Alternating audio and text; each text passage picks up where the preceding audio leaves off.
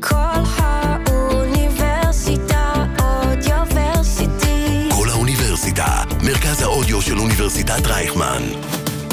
כל האוניברסיטה אודיוורסיטי.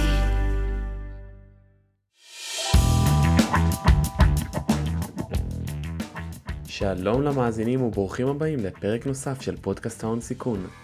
שוב כאן מהסיליקון וואלי עם משקיע הון סיכון בקרן אמריקאית מסורתית, קרן של 150 עובדים, קרן שמנהלת 12.5 מיליארד דולר. נדבר על מבנה של קרן כל כך גדולה, על גיוס מקרנות אמריקאיות ובמה הן שונות מקרנות ישראליות, על product market fit בשוק האמריקאי, ומדוע בכלל למשקיעים כדאי להשקיע בקרן עם החזרים נמוכים יותר. אז כל זה לאחר הג'ינגל. ג'ינגל ונתחיל.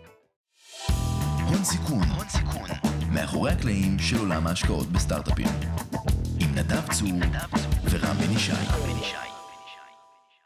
דרור נחומי, שותף מנהל בקרן נורווסט ונצ'רס, שלום לך. שלום רם.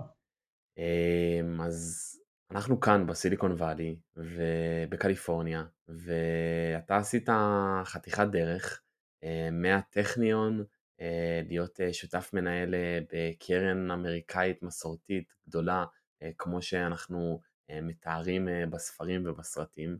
אז אני אשמע, אשמח קצת לשמוע על הדרך שלך.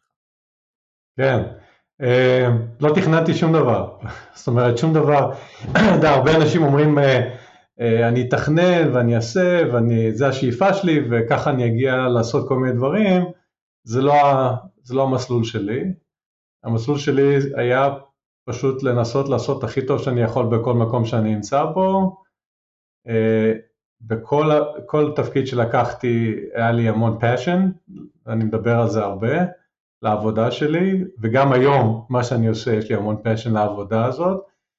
אז אתה התחלת בצד האופרטיבי? לגמרי, לגמרי. אה, וזה מה שהביא אותי למה שאני היום, אז אה, אם זה מהטכניון, אחרי זה כמה דברים תוך כדי כמובן, דרך 8200 עבודה שעשיתי שם, ושעד היום היא חשובה, ואני מספר לכל מיני סטארט-אפיסטים שב-8200 על הדברים שעשיתי, אמרו, אה, לא ידענו אפילו מאיפה זה מגיע. דרך עבודה שעשיתי אחרי זה ב-ECI טלקום, שעבדתי על טכנולוגיות של signal processing, מה שהוביל אותי לארה"ב בסיבוב הראשון, 18 שנה בניו ג'רזי, ב Bell Labs, אה, פיתחתי אה, דוחסי דיבור, דוחסי תמונות, אה, מה שהוביל אותי להקים סטארט-אפ בשלי, ב bootstrap, שזה הדרך הכי קשה לבנות סטארט-אפים, היום אני יודע יותר טוב ממה שכשהייתי בן 30 שעשיתי את זה, אבל הלכתי והיה לי המון פשן וזה מה שגרם לי להצליח. אז מה קרה עם הסטארט-אפ? מכרתי את החברה שנה וחצי אחרי שהתחלתי אותה, אה, ובלי VCs ובלי משקיעים, ורק אני והשותפים שהתחילו איתי, אה, ואחרי זה הפכנו להיות חלק מחברה יותר גדולה, חברה אמריקאית אה, בשם איילינג, חברה יחסית קטנה במונחים אמריקאים, ואחרי זה הפכתי לנהל אותה, חברה ציבורית אמריקאית, שזה הג'רני בפני עצמו. מה שהוביל אותי אחרי זה בחזרה להיות עוד פעם סטארט-אפיסט, הצטרפתי לזה סטארט-אפ אה, אה, ישראלי, אה, עם, אה, עדיין, עדיין בארצות הברית, עדיין בניו ג'רזי, אה, הצטרפתי כמנכ"ל, אה, מה שהוביל אותי עוד פעם בחזרה ל-ECI בסיבוב שני, אה, כמנהל הפעם, אה, הייתי Chief Strategy Officer ב-ECI, מה שהוביל אה, למכירה של ECI אה, לשאול שני. אה, וכחלק מהעבודה הייתי גם board member בוראז, עוד חברת אה, סטארט-אפ שהיה שילוב של איזה ספין אוף מ-ECI יחד עם חברה אמריקאית, והייתי board member שם לפני ה-IPO, אחרי ה-IPO, ועוד board member היה פרומוד האק שהוא ה managing partner של נורווסט, וככה הוא הכיר אותי אה, והציע לי לחזור בחזרה לישראל אה, ולפתוח את נורווסט ישראל, מה שקרה ב-2008. בהתחלה אמרתי לו לא, אבל לקח שנה וחצי ובסוף אה, הגענו למסקנה שזה נכון לכל הצדדים. אה, חזרתי לישראל, הקמתי את נורווסט ישראל, 30 השקעות אחרי זה, היום 13 שנה אחרי זה, אה, אנחנו מאוד מרוצים מה, מהפעילות שלנו בישראל, יש לנו חברות מפוארות שהשקענו בהן, ואנחנו מחזיקים המון אחוזים בחברות האלה, ונורווסט מאוד מרוצה מהשקעות בישראל, ורק רוצים לפתח את הפעילות יותר. אז אנחנו מדברים פה על קרן בסדרי גודל שאנחנו לא מכירים בשוק הישראלי. 150 עובדים, 12 מיליארד AUM, אז איך, איך זה נראה בעצם, קרן כזאת גדולה? מה שונה בפרקטיקות העבודה? מה, מה אתה רואה מהזווית שלך כישראלי בקרן כזו? טוב, יש פה כמה שאלות. אז קודם כל, לגבי גודל הקרן, כן, זו קרן גדולה, אה, זה חלק מהאסטרטגיה. האסטרטגיה אומרת שאתה רוצה להצליח לאורך הרבה שנים, לא רק במנהלים הקיימים, ולא רק בשותפים הקיימים, אלא לבנות פרקטיקה לעשרות שנים קדימה, אה, קשה לעשות את זה במשהו שהוא מאוד ממוקד, מכיוון שהטכנולוגיה משתנה בקצב מאוד גדול. אז אם היום cyber security זה משהו מאוד אה, פופולרי ויש המון חברות ויש המון הצלחות, uh, אולי עוד חמש שנים זה לא יהיה, uh, או healthcare, או cloud, או לא יודע מה, כן? כל תקופה יש לה את, ה, אה, אה, יש את המאפיינים שלה ואת הדברים שנורא מעניינים, אבל אם אתה מתמקד רק ב-early stage או late stage או cloud או cyber security או מה שלא יהיה, אז זה מאוד אה, short term. ו, ולכן הדרך לבנות משהו לאורך הרבה שנים זה, זה קרן שיודעת לעשות את כל הדברים האלה בפלטפורמה אחת. הפלטפורמה, המילה פלטפורמה אחת כבר, כבר מסבך את העסק, למה זה לא כזה קל, אה, אבל אם מצליחים, אז יש פה diversity מאוד חזק, ו, ומשהו שיכול להחזיק ולהשתנות עם השוק, להיות פתוח לשינויים מאוד חשוב, ואם תקופה מסוימת אנחנו רואים שקלאוד זה דבר מאוד חשוב וצריך להשקיע בו, אז אנחנו עושים את זה, אבל כמה שנים אחרי זה אולי משקיעים במקום אחר, או תקופה מסוימת הודו זה מקום נהדר להשקיע בו, אז נעשה אלוקציה יותר גדולה להודו אה, וכולי וכולי. ו- ולכן ה diversity זה שם המשחק, וכדי לייצר diversity צריך להיות בגודל מסוים. וזו הסיבה שאנחנו עובדים מקרנות אה, גדולות מאוד. והקרן ה-16 שלנו היא בגודל של 3 מיליארד דולר, וכמו שאמרת, אנחנו מנהלים 12.5 מיל- מיליארד דולר. לגבי הפרקטיקות, כמובן שהניסיון שמצטבר והיכולת לנהל פרקטיקה uh, בגודל כזאת, מאפשרת resources uh, שלא קיימים בארגונים יותר קטנים. Uh, אם זה היכולת שלנו להשקיע לאורך שלבים של הארגון, אם זה היכולת להוסיף professional services שעוזרים לחברות שלנו, אם זה הידע המצטבר וה networking המצטבר של כל ה partners, portfolio אה, companies, אני יודע, גונג אני חושב שכמעט כל חברת enterprise שלנו היום משתמשת בגונג למשל, כן, אחת החברות שהשקענו בה ו, אה, וזה חלק, מה, חלק מהסיפור פה, זה לבנות פלטפורמה בגודל כזה, אה, ולבנות פרקטיקה אה, עם, עם כל כך הרבה נטוורקים וכל כך הרבה יכולות. מעניין. כי אתה, אתה מציג פה, נשמע שיש יתרון מובהק לגודל בעולם ה-VC, אבל האמת שאנחנו יודעים שיש הרבה אה, מיקרו פאנד שעושים עבודה נהדרת וביצועים יותר טובים מקרנות גדולות. אז אה, איך אתה בעצם שם את זה על הסקאלה? האם באמת יש יתרון לגודל, או שאתה רואה גם חסרונות לגודל של קרן כזו גדולה? כל דבר יש לו יתרונות וחסרונות. היתרון הכי גדול ב micro fund זה היכולת לייצר returns מדהימים, כן? למה אם יש לך micro fund, בוא נגדיר מה זה micro fund, לא כולם מכירים מה זה, אה, זה קרן אולי בגודל של 50 מיליון דולר, כן?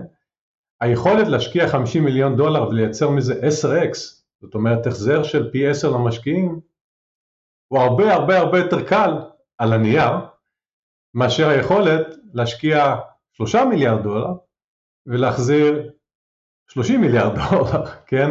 זאת אומרת ככל שאתה גדל, היכולת שלך לייצר returns מאוד גדולים, או לייצר בעצם ריטרן מאוד מאוד גדול על חברה מאוד מסוימת, למה אם אתה פוגע בחברה שהצלחת להשקיע בה והצליחה מאוד, בקרן של 50 מיליון דולר, ה return הפוטנציאל הוא מאוד מאוד גדול, וההשפעה על הקרן הוא מאוד גדול. וזה היתרון הגדול ב micro funds, היכולת להחזיר, לעשות תחזירים משמעותיים על קרן קטנה. ככל שהקרן גדולה, אז ה-resources, יש יותר resources, יש המון יותר networking, יש המון יכולות, אה, יש המון ידע אה, שמצטבר, אה, אבל ה-return למשקיעים, כמובן, הוא לא יכול להיות כבר בסדרי גודל כאלה, קורים דברים כאלה, אבל, אבל זה הרבה יותר קשה. למה אפילו אם השקעת בחברה שהפכה להיות מיליארדים, אה, אה, אפילו זה, זה לא, זה לא מייצר שלושה מיליארד הופכים להיות אה, שלושים מיליארד. מעניין, כן? מעניין, אתה מזכיר לי את אחד השיעורים הראשונים בסטטיסטיקה על חוק המספרים הגדולים, ובסוף לגמרי, זה בדיוק זה. התוחלת. זה בדיוק זה. אז, אז למה ש-LPs בעצם ישקיעו בקרן שלך ולא באיזה micro fund? למה יש את השל... הצד השני זה ה risk, כן? אה, זאת אומרת, risk ו reward הולכים בדרך כלל ביחד, ואם באמת, אם יש reward פוטנציאלי ל micro fund מאוד מאוד טוב שמייצר 10x, גם יש risk יותר גדול אה, בקרן כזאת, אה, וגם היכולת לעשות deployment. כמובן, אם, אם אתה, יש לך עשרות מיליוני דולרים להשקיע בקרן, אז אתה לא יכול לשים את זה רק בלהיות ה-LP היחידי ב micro fund, כן?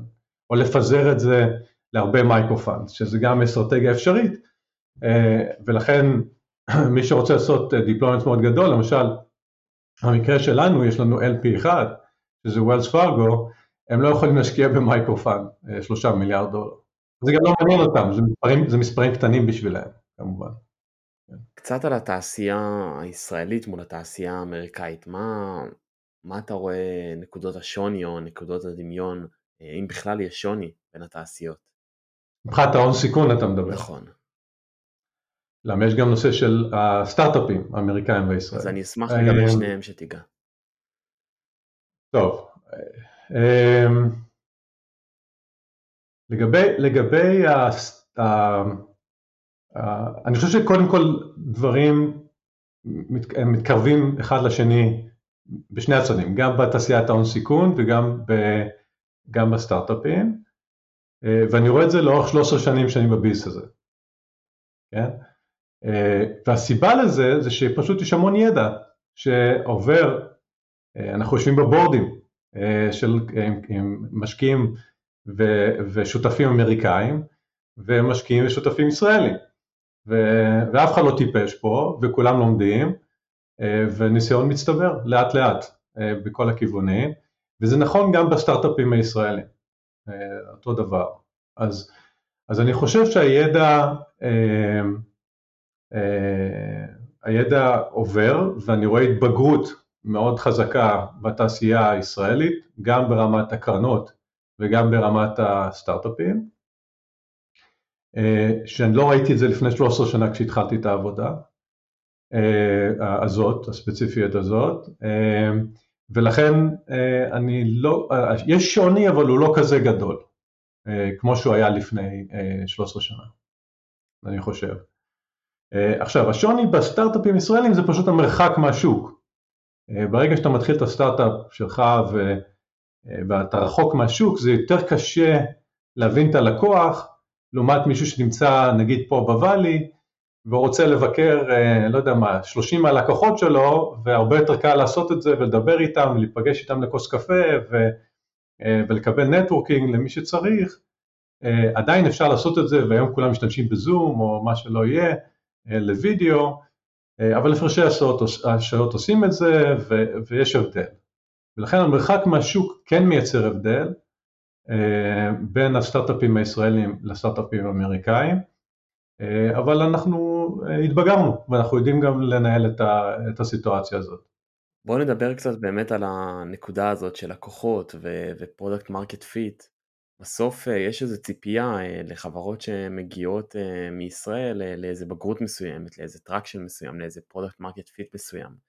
וכמובן שהוא מוגבל כי זה רק בשוק הישראלי. בוא, בוא, בוא קצת נשמע ממך מה הזווית שלך לגבי איך יוצרים או איך אני מגדיר product market fit מבחינתך כמשקיע הון סיכון? כן, זה נושא שאני מאוד אוהב לדבר עליו, אה, מכיוון שראיתי לא מעט סטארט-אפים, גם כאלה שהגיעו אליי אה, לקבל השקעה וגם כאלה שליוויתי אותם מתחילת הדרך אה, והפכו להיות או הצלחה או, או הצלחה חלקית, כן? וה product market fit הוא היה מרכיב מאוד מאוד קריטי בתהליך בהצלחה של החברות האלה וראיתי המון סיטואציות ולכן זה נושא שאני מאוד אוהב לדבר עליו ואני אדבר עליו ואני נותן לא מעט הרצאות בנושא הזה אה, מכיוון שיש המון טעויות שאנשים עושים. אה, אני אוהב אה, לדמות את הנושא של product market fit לאיזה משולש, שבקצוות של המשולש יש כדורים, כדורים בגדלים שונים.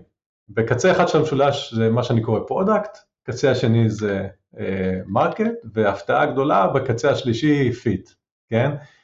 ואני מנסה להגיד ליזמים, ככל שהמוצר שלכם, ה product, הכדור הזה שיושב בקצה של ה product הוא יותר תחום, מוגדר, ברור. אה, אתם במצב יותר טוב. את, התחלה, כבר התחלה טובה. ככל שהמוצר הוא יותר גנרי והולך להרבה uh, use cases, אז כבר לא טוב. המצב כבר מסובך, אתם מסבכים את הסיפור של product market fit. אני מדבר לתחילת הדרך, כן? כשאתה מנסה לפרוץ לדרך ולייצר את העשרה מיליון דולר מכירות הראשונים, כן? ואני רואה הרבה מאוד אה, סטארט-אפים שאומרים מה אתה רוצה זה אותו מנוע אז נכון שאני לוקח ה, אה, ללקוח הזה את המנוע הזה בצורה אחת וללקוח השני בצורה אחרת אבל זה אותו אלגוריתם, זה אותו מנוע, זה אותו חוכמה שבנינו ואני אומר לא זה לא טוב אתם חייבים להתמקד במוצר אחד מאוד מאוד ברור. דוגמה נורא טובה, אה, גונג, מהיום הראשון בנינו מוצר אחד, כן? היום אנחנו מתבגרים, חברה כבר גדולה, עובדים על מוצרים נוספים, הצלח, ההצלחה הכי גדולה של החברה זה היה ביכולת לבנות מוצר מאוד מאוד תחום, מאוד ברור, אה, ש, שלא ניסה לעשות יותר מיני דברים חוץ מהמוצר עצמו, כן?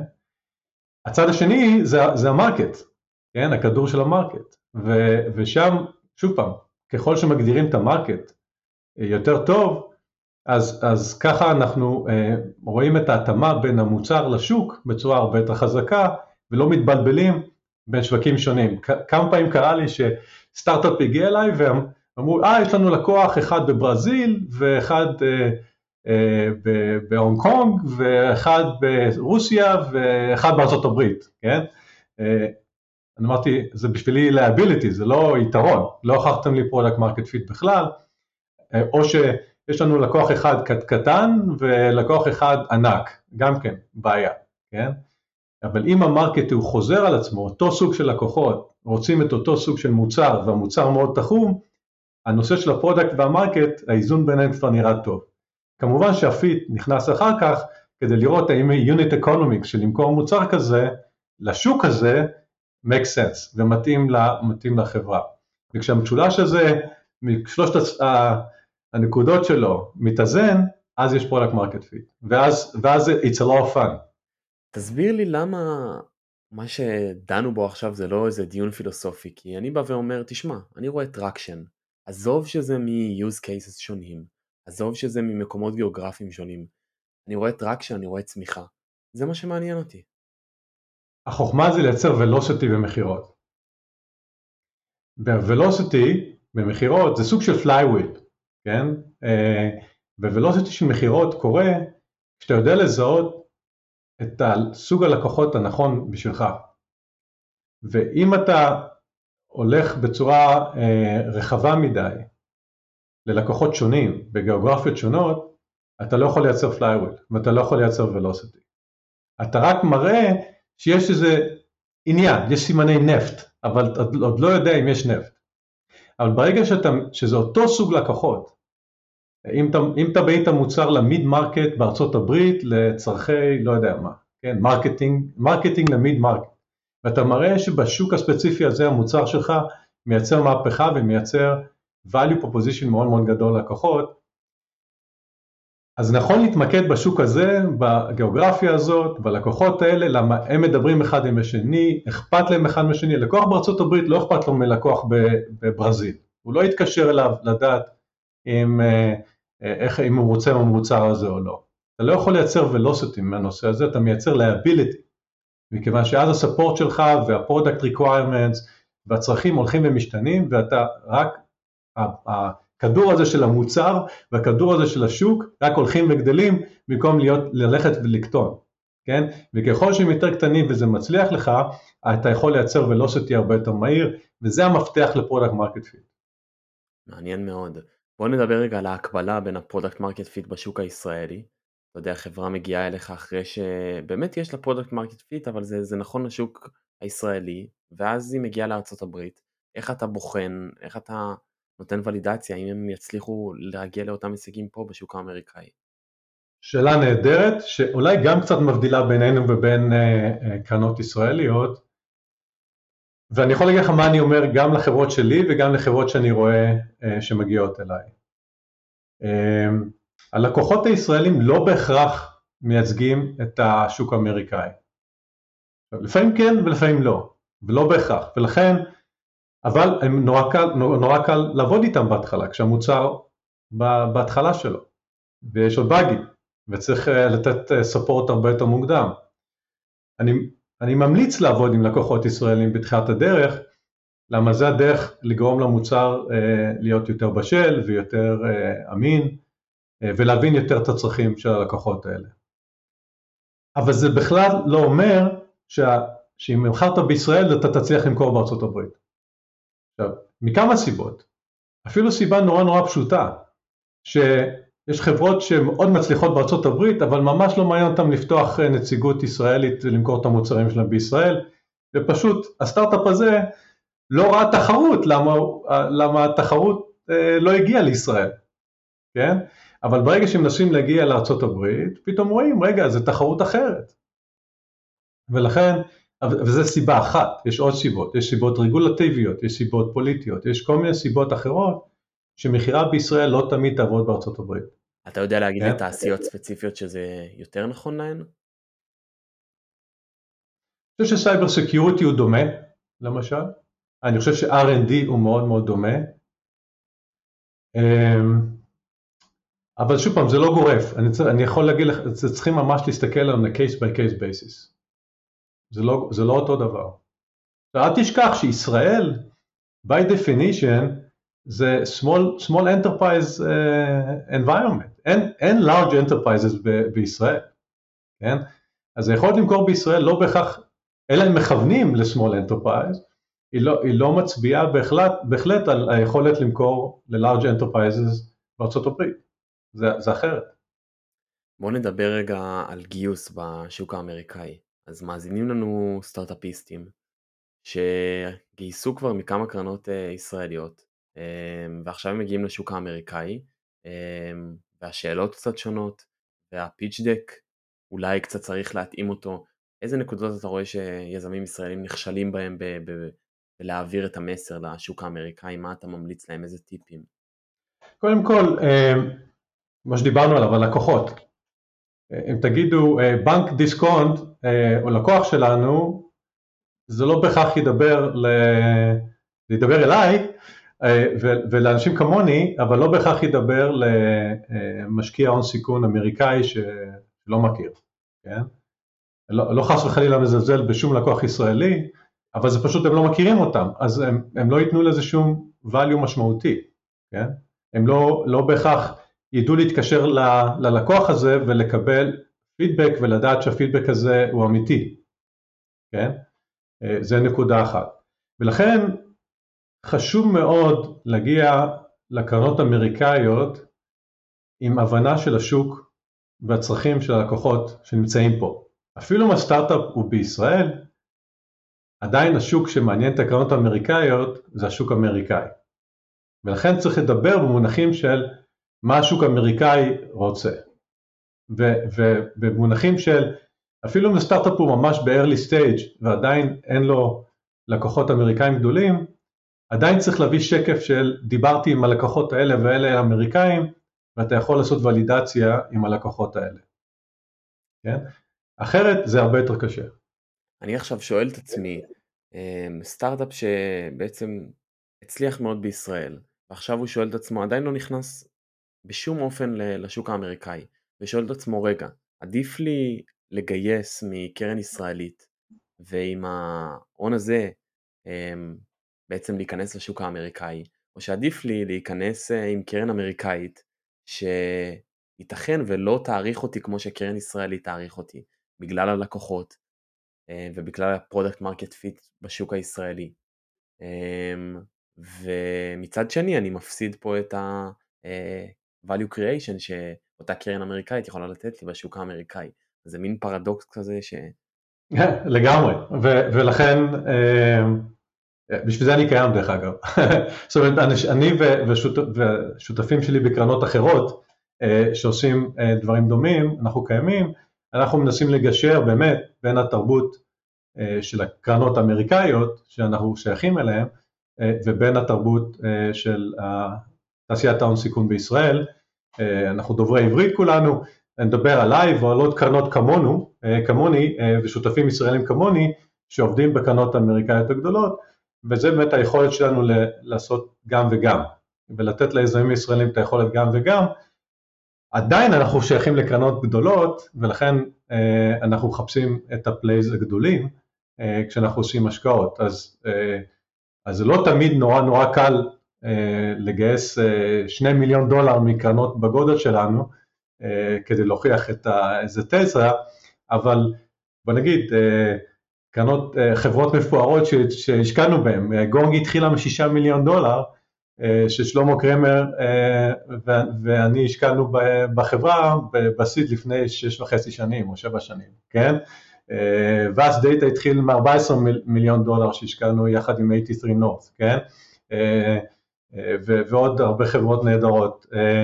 אז זה מה שאנחנו עושים, ועם עם, עם, עם הפוטנציאל מאוד גדול, ואנחנו רואים את הפוטנציאל מההתחלה, כמו שראינו בגונג, בבאסדאטה, בווקה, בוויליוט, ועוד חברות פורטפוליו נהדרות שיש לנו, אמ, אז, אה, אה, אז אנחנו משקיעים מהשלב הראשון ועושים בדיוק את ה-win-win situation הזה, שגם היכולת לקבל את ה-resources מקרן בגודל שלנו והניסיון שלנו, בלבנות חברות, אה, אמ, מהתחלת הדרך כבר.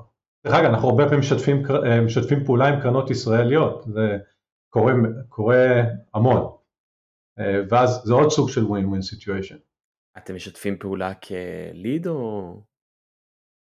זה, זה לא משנה מי ליד ומי לא ליד, זה שתף פעולה, שתף פעולה, כן, אנחנו עובדים ביחד. בואו נדבר קצת עליכם, אתם גייסתם לאחרונה קרן של 3 אה, מיליארד דולר, קרן ענקית שיש שאומרים שניצלתם במרכאות את תנאי השוק הנוחים שהיו כאן שנה שעברה. אמ, קצת לשמוע על, על מה, האם אסטרטגיה ההשקעה משתנה כשמגייסים אה, קרן שהיא אמ, הרבה יותר גדולה מהקרן הקודמת, איך אתם מתכוונים to deploy the money ש, שבעצם גייסתם? אוקיי, okay, אז בואו קודם כל, אה, זה מאוד ספציפי לנו, אבל אני אנסה כן לדבר על, אה, בצורה יותר רחבה. הזרעים לגיוס הזה כבר הוטמנו כשהצטרפתי לקרן, לפני 13 שנה. כן, זה, זה תוכנית, זה לא, זה תוכנית רב שנתית, זה לא איזה משהו שקרה וניצול של תנאי שוק או דברים כאלה, זה לא, אוקיי? זה אסטרטגיה רבת שנים, אוקיי? אה, כשאני הצטרפתי אה, זה היה הקרן העשירית שלנו, קרן בגודל של 650, 650 מיליון דולר. אוקיי? ואז, ואז בנינו את האסטרטגיה, מי שבנה את זה זה פרומוד האק, מי שה managing partner של הקרן, אה, אז ועד, וגם היום, אה, ו, והוא בנה אסטרטגיה שאמר אם אנחנו רוצים להיות קרן לעוד הרבה הרבה שנים, אנחנו צריכים להיות diverse כמו שאמרתי בתחילת השיחה, אה, ולהתחיל פרקטיקה בישראל, היי בוא נגייס שותף שישקיע בישראל, ואז גייסו אותי, בוא נגייס שותפים להודו, בואו נגייס שותפים שיעשו uh, healthcare, בואו נגייס שותפים שיעשו uh, growth equity investments. ובאמת בין הקרן העשירית ל-12, הקרן 11 ו-12, uh, באמת הוספנו את הפרקטיקות האלה בתוך נור-ווסט, אוקיי? Uh, ואז קרן 12, 11 כבר הייתה בגודל של 1.2 מיליארד, קרן 12 גם בגודל של 1.2 מיליארד דולר, וכשהדברים האלה התייצבו והראינו שהאסטרטגיה הזאת עובדת ועובדת בצורה מצליחה, ובביז שלנו עובד בצורה מצליחה זה לא סיפורים, זה, זה מספר אחד בלבד, כמה השקעת וכמה החזרת, כן? אבל הוכחנו שאנחנו בטופ קוורטייל בכל הקרנות שלנו, אה, אז כבר היה קל לבוא להגיד, רגע, אנחנו רוצים להמשיך עם אותה אסטרטגיה, רק יותר גדול ויותר טוב, ולהוסיף עוד אנשים שעושים את אותו דבר. וגם הקרן האחרונה שלנו, הקרן ה-16 שלנו, בגודל של 3 מיליארד דולר, הולכת לעשות בדיוק את אותו דבר שעשינו קודם, לא, לא משנים את האסטרטגיה, רק מוסיפים עוד אנשים כדי לממש את האסטרטגיה שכבר מצליחה לנו. וזה לא אומר, דרך אגב, ש, שזה רק עכשיו נעשה השקעות של late stage, בגלל שהקרן כל כך גדולה. הצלחה ש, שיש לי בגונג, בוואסט דאטה, בחברות אחרות, היא, היא, היא, היא גדולה, היא אדירה, גם במונחים של מיליארדי דולרים. וככל שיש לנו יותר שותפים שעושים השקעות כאלה, יכול שלנו לעשות עוד השקעות מהסוג הזה גדלות, זה חברות שהשקעתי בהן עם PowerPoint, עוד לפני שהייתה חברה. ואני אמשיך לעשות השקעות כאלה as we speak, נכון לעכשיו.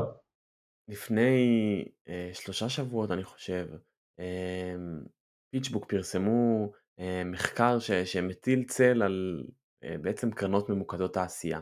הוא בא ואומר קרנות ממוקדות תעשייה לא מראות על ביצועי יתר אה, בתעשייה שבה הם משקיעים ביחס לקרנות אה, כלליות, כמו הקרן שלך. אז קצת מעניין אותי לשמוע את ההשקפה שלך על הנתון ש, שבעיניי הוא מדהים, כי אה, איך הגיוני שאתה תדע להשקיע בכל כך הרבה תחומים טוב כמו מישהו שמשקיע רק בגיימינג. כן, אני חושב שזה תלוי בזמן הדגימה ואיך עושים את הבדיקה הזאת.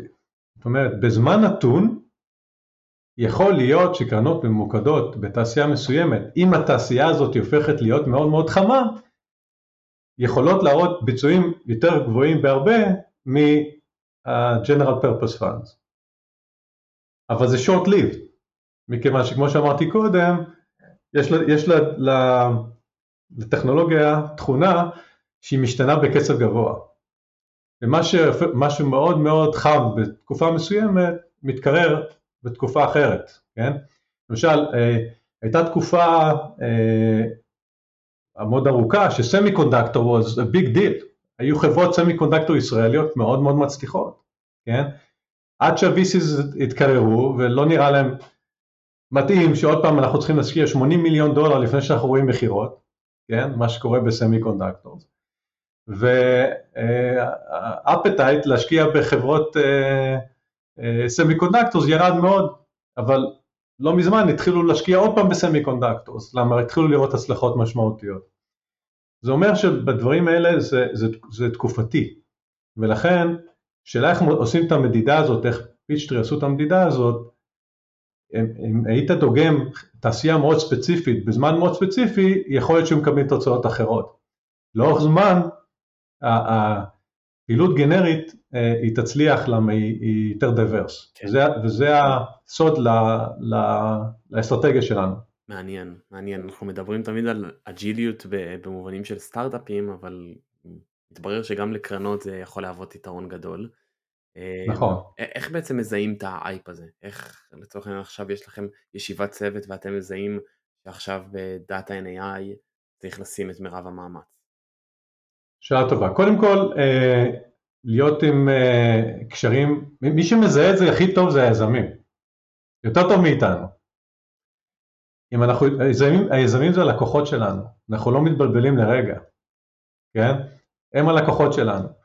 ואם אנחנו עובדים עם היזמים ומדברים איתם ומקשיבים להם, כמו שאנחנו עושים פיץ' לכל אחד מהחברות שלנו, דברו עם הלקוחות, תראו מה הם צריכים.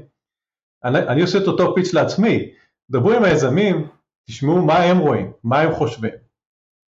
ואז כשאנחנו מתחילים לראות pattern של, אה, של יזמים שרואים, מזהים איזשהו טרנד, ומדברים איתנו, והזדמנויות השקעה, ואנחנו רואים את זה, אז אנחנו מתחילים להבין שקורה משהו, הרבה פעמים אנחנו עושים מה שנקרא market map אה, בתוך הקרן, שאחד ה associate חוקר נושא מסוים ומזהה את כל השחקנים במשחק וממליץ עם, עם איזה חברות כדאי לדבר. ככה למשל הגענו לחברה בשם Six Rivers, חברה בתחום של הרובוטיקה שהשקענו בה, שבנתה איזה רובוט ל-warehouses. אה, ככה הגענו להם, זיהינו אותם והשקענו בהם ומכרנו אותם לשופיפיי, לא זוכר, נדמה לי ב-700 מיליון דולר או משהו כזה, אה, לפני כמה שנים, אוקיי? זו דוגמה קלאסית לאיך השתמשנו במרקט מאפ אה, לצורך, אה, לצורך זיהוי של אה, טרנד בתעשייה. אז אנחנו עושים גם את זה, אבל באמת מי שיודע הכי טוב את הטרנדס האלה, אנחנו כל הזמן קוראים ומקשיבים ומדברים עם לקוחות בעצמנו וכולי וכולי, אבל מי שהכי טוב בלזהות את הטרנדים האלה זה היזמים. ואם אנחנו עובדים איתם ומקשיבים להם, אנחנו נדע גם, גם אנחנו מה הטרנדים. מעניין מאוד. אז אנחנו לקראת סיום, וככה רציתי לשמוע ממך, איך אתה ממליץ למשקיעי הון סיכון צעירים, לכאלו שרוצים להיכנס לתעשייה, לסטארט-אפיסטים, ללמוד על התעשייה, איזה מקורות ידע, ספרים, בלוגים, אה, מישהו שכדאי לעקוב אחריו בטוויטר. כן, אה, אספר לך סיפור ואולי אני, אני אגיד משהו שהוא לא, לא כזה ברור מהבחינה הזאת. אתה בטח מצפה לאיזה ספר או אני לא יודע מה, או לאיזה לינק למישהו. אמ, אני אספר לך שבתחילת קוביד, שזה מרץ 2020, אני שמעתי את כל החכמולוגים פה בבאריה, כל ה-VCs הכי מצליחים והכי אה, אה, מנוסים, וכולם הלכו לחברות שלהם ואמרו להם, עכשיו תחתכו, אה, אנחנו נכנסים, אתה יודע, למה? היינו בתקופה של bull market, כן, המכפילים היו גבוהים, אה, ואליואציות היו מאוד גבוהות, אה, והמסר שכולם נתנו זה אנחנו נכנסים לתקופה קשה ו down market, תפטרו עובדים, אה, תצברו כסף, אל, תז, אל תבזבזו את הכסף וכולי וכולי, מה שעושים בדרך כלל בתקופה של down market, כן? את התוצאה אנחנו יודעים בדיעבד, כן? רובם, כל החבר'ה האלה לא צדקו, כמובן. לא שאני ידעתי דרך אגב, כן? אף אחד לא ידע אה, מה הולך לקרות באמת בגלל אה, כל הקוביד, שעשה בדיוק את ההפך, כמובן. כולנו יודעים את זה היום. אה, מה, מה אני מנסה להגיד בדוגמה הזאת? אני מנסה להגיד שאסור להאזין למישהו אחד. כמה שהוא מנוסה והצליח אה, אה, בקריירה שלו, ו...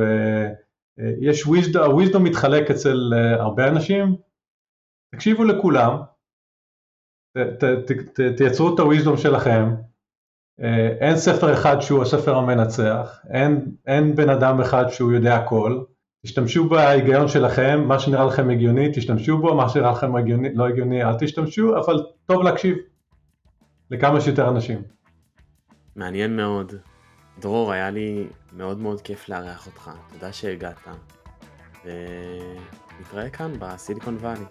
בכיף. הון סיכון, מאחורי הקלעים של עולם ההשקעות בסטארט-אפים, עם נדב צור ורם בן ישי.